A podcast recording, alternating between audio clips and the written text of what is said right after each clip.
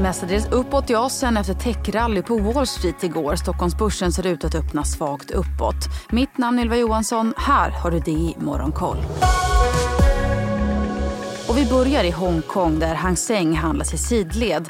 Den krisande fastighetsjätten Country Garden lyfter däremot 5% efter att fordringsägarna gått med på att förlänga betalningen på sex obligationer i tre år. Även fastighetsutvecklaren Sino Ocean Group har fått förlängd tid att betala en kupongbetalning och rusar över 30 Även Shanghai-börsen handlas runt nollstrecket och Shenzhen-börsen stiger svagt. Tokyo-börsen däremot stiger 1% Den japanska yenen försvagas något mot dollarn efter att ha stärkt stärkts till den högsta nivån på två månader efter uttalandet från en Bank of Japan-guvernör igår om att banken borde ha tillräckligt med information vid årsskiftet för att avgöra om räntorna behöver höjas. Vi noterar även att kryptovalutan bitcoin som ju sjönk till sin lägsta nivå sedan i juni igår och tillfälligt handlades under 25 000 dollar lyfter något. En bitcoin kostar drygt 25 800 dollar.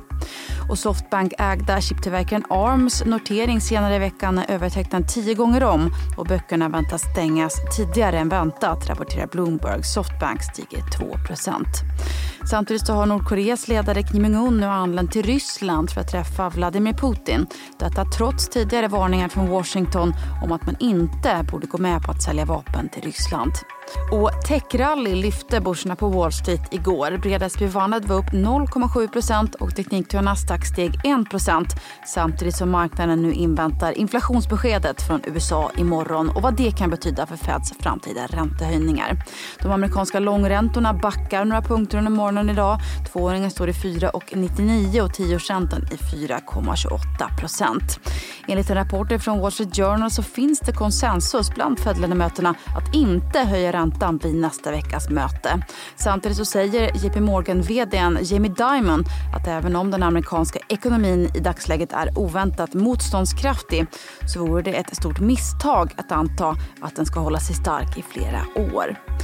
Elbilstillverkaren Tesla rusade 10% efter att Morgan Stanley höjt rekommendationen och skruvat upp riktkursen rejält med hänvisning till Teslas superdatorprojekt Dojo som man tror kan öka marknadsvärdet med så mycket som 500 miljarder dollar. Även chipleverantören Qualcomm lyfte 4% efter att Apple förlängt sitt avtal med bolaget. Och idag så är det ju för övrigt också dags för Apples lanseringsevent där man ju väntas presentera nya iPhone 15, nya Apple Watch 9 och nya AirPods bland annat. Mjukvarubolaget Oracle släppte rapport efter stängning och redovisade ett bättre justerat resultat per aktie än väntat på 1,19 dollar. Intäkterna däremot var i linje med analytikerförväntan. Aktien föll 9% i den amerikanska efterhandeln. Och så till Sverige där arbetslösheten steg till 6,4% i augusti från 6,3% i juli. Det var dock lägre än samma månad i fjol och särskilt långtids och ungdomsarbetslösheten är fortsatt betydligt lägre än förra året. Samtidigt så ökade klädhandeln 9% i augusti på årsbasis enligt Svensk Handels stilindex. Och det Latour-ägda kommunikationssystembolaget HMS Networks som har kapitalmarknadsdag idag höjer sina mål för omsättningen och rörelsemarginalen efter en positiv första halva av strategiperioden som sträcker sig fram till 2025.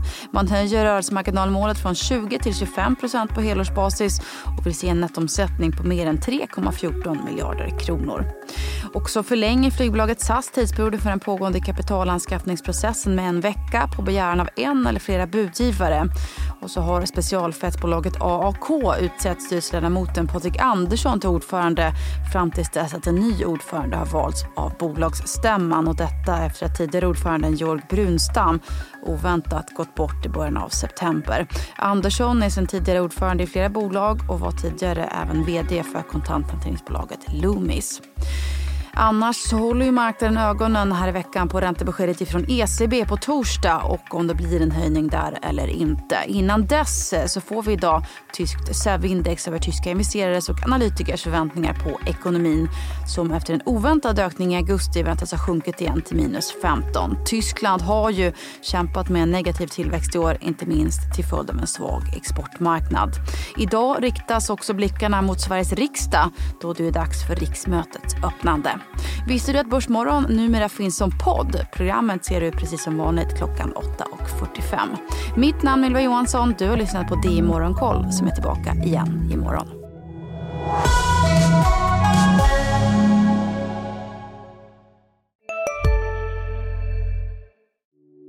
Hej, Ulf Kristersson här.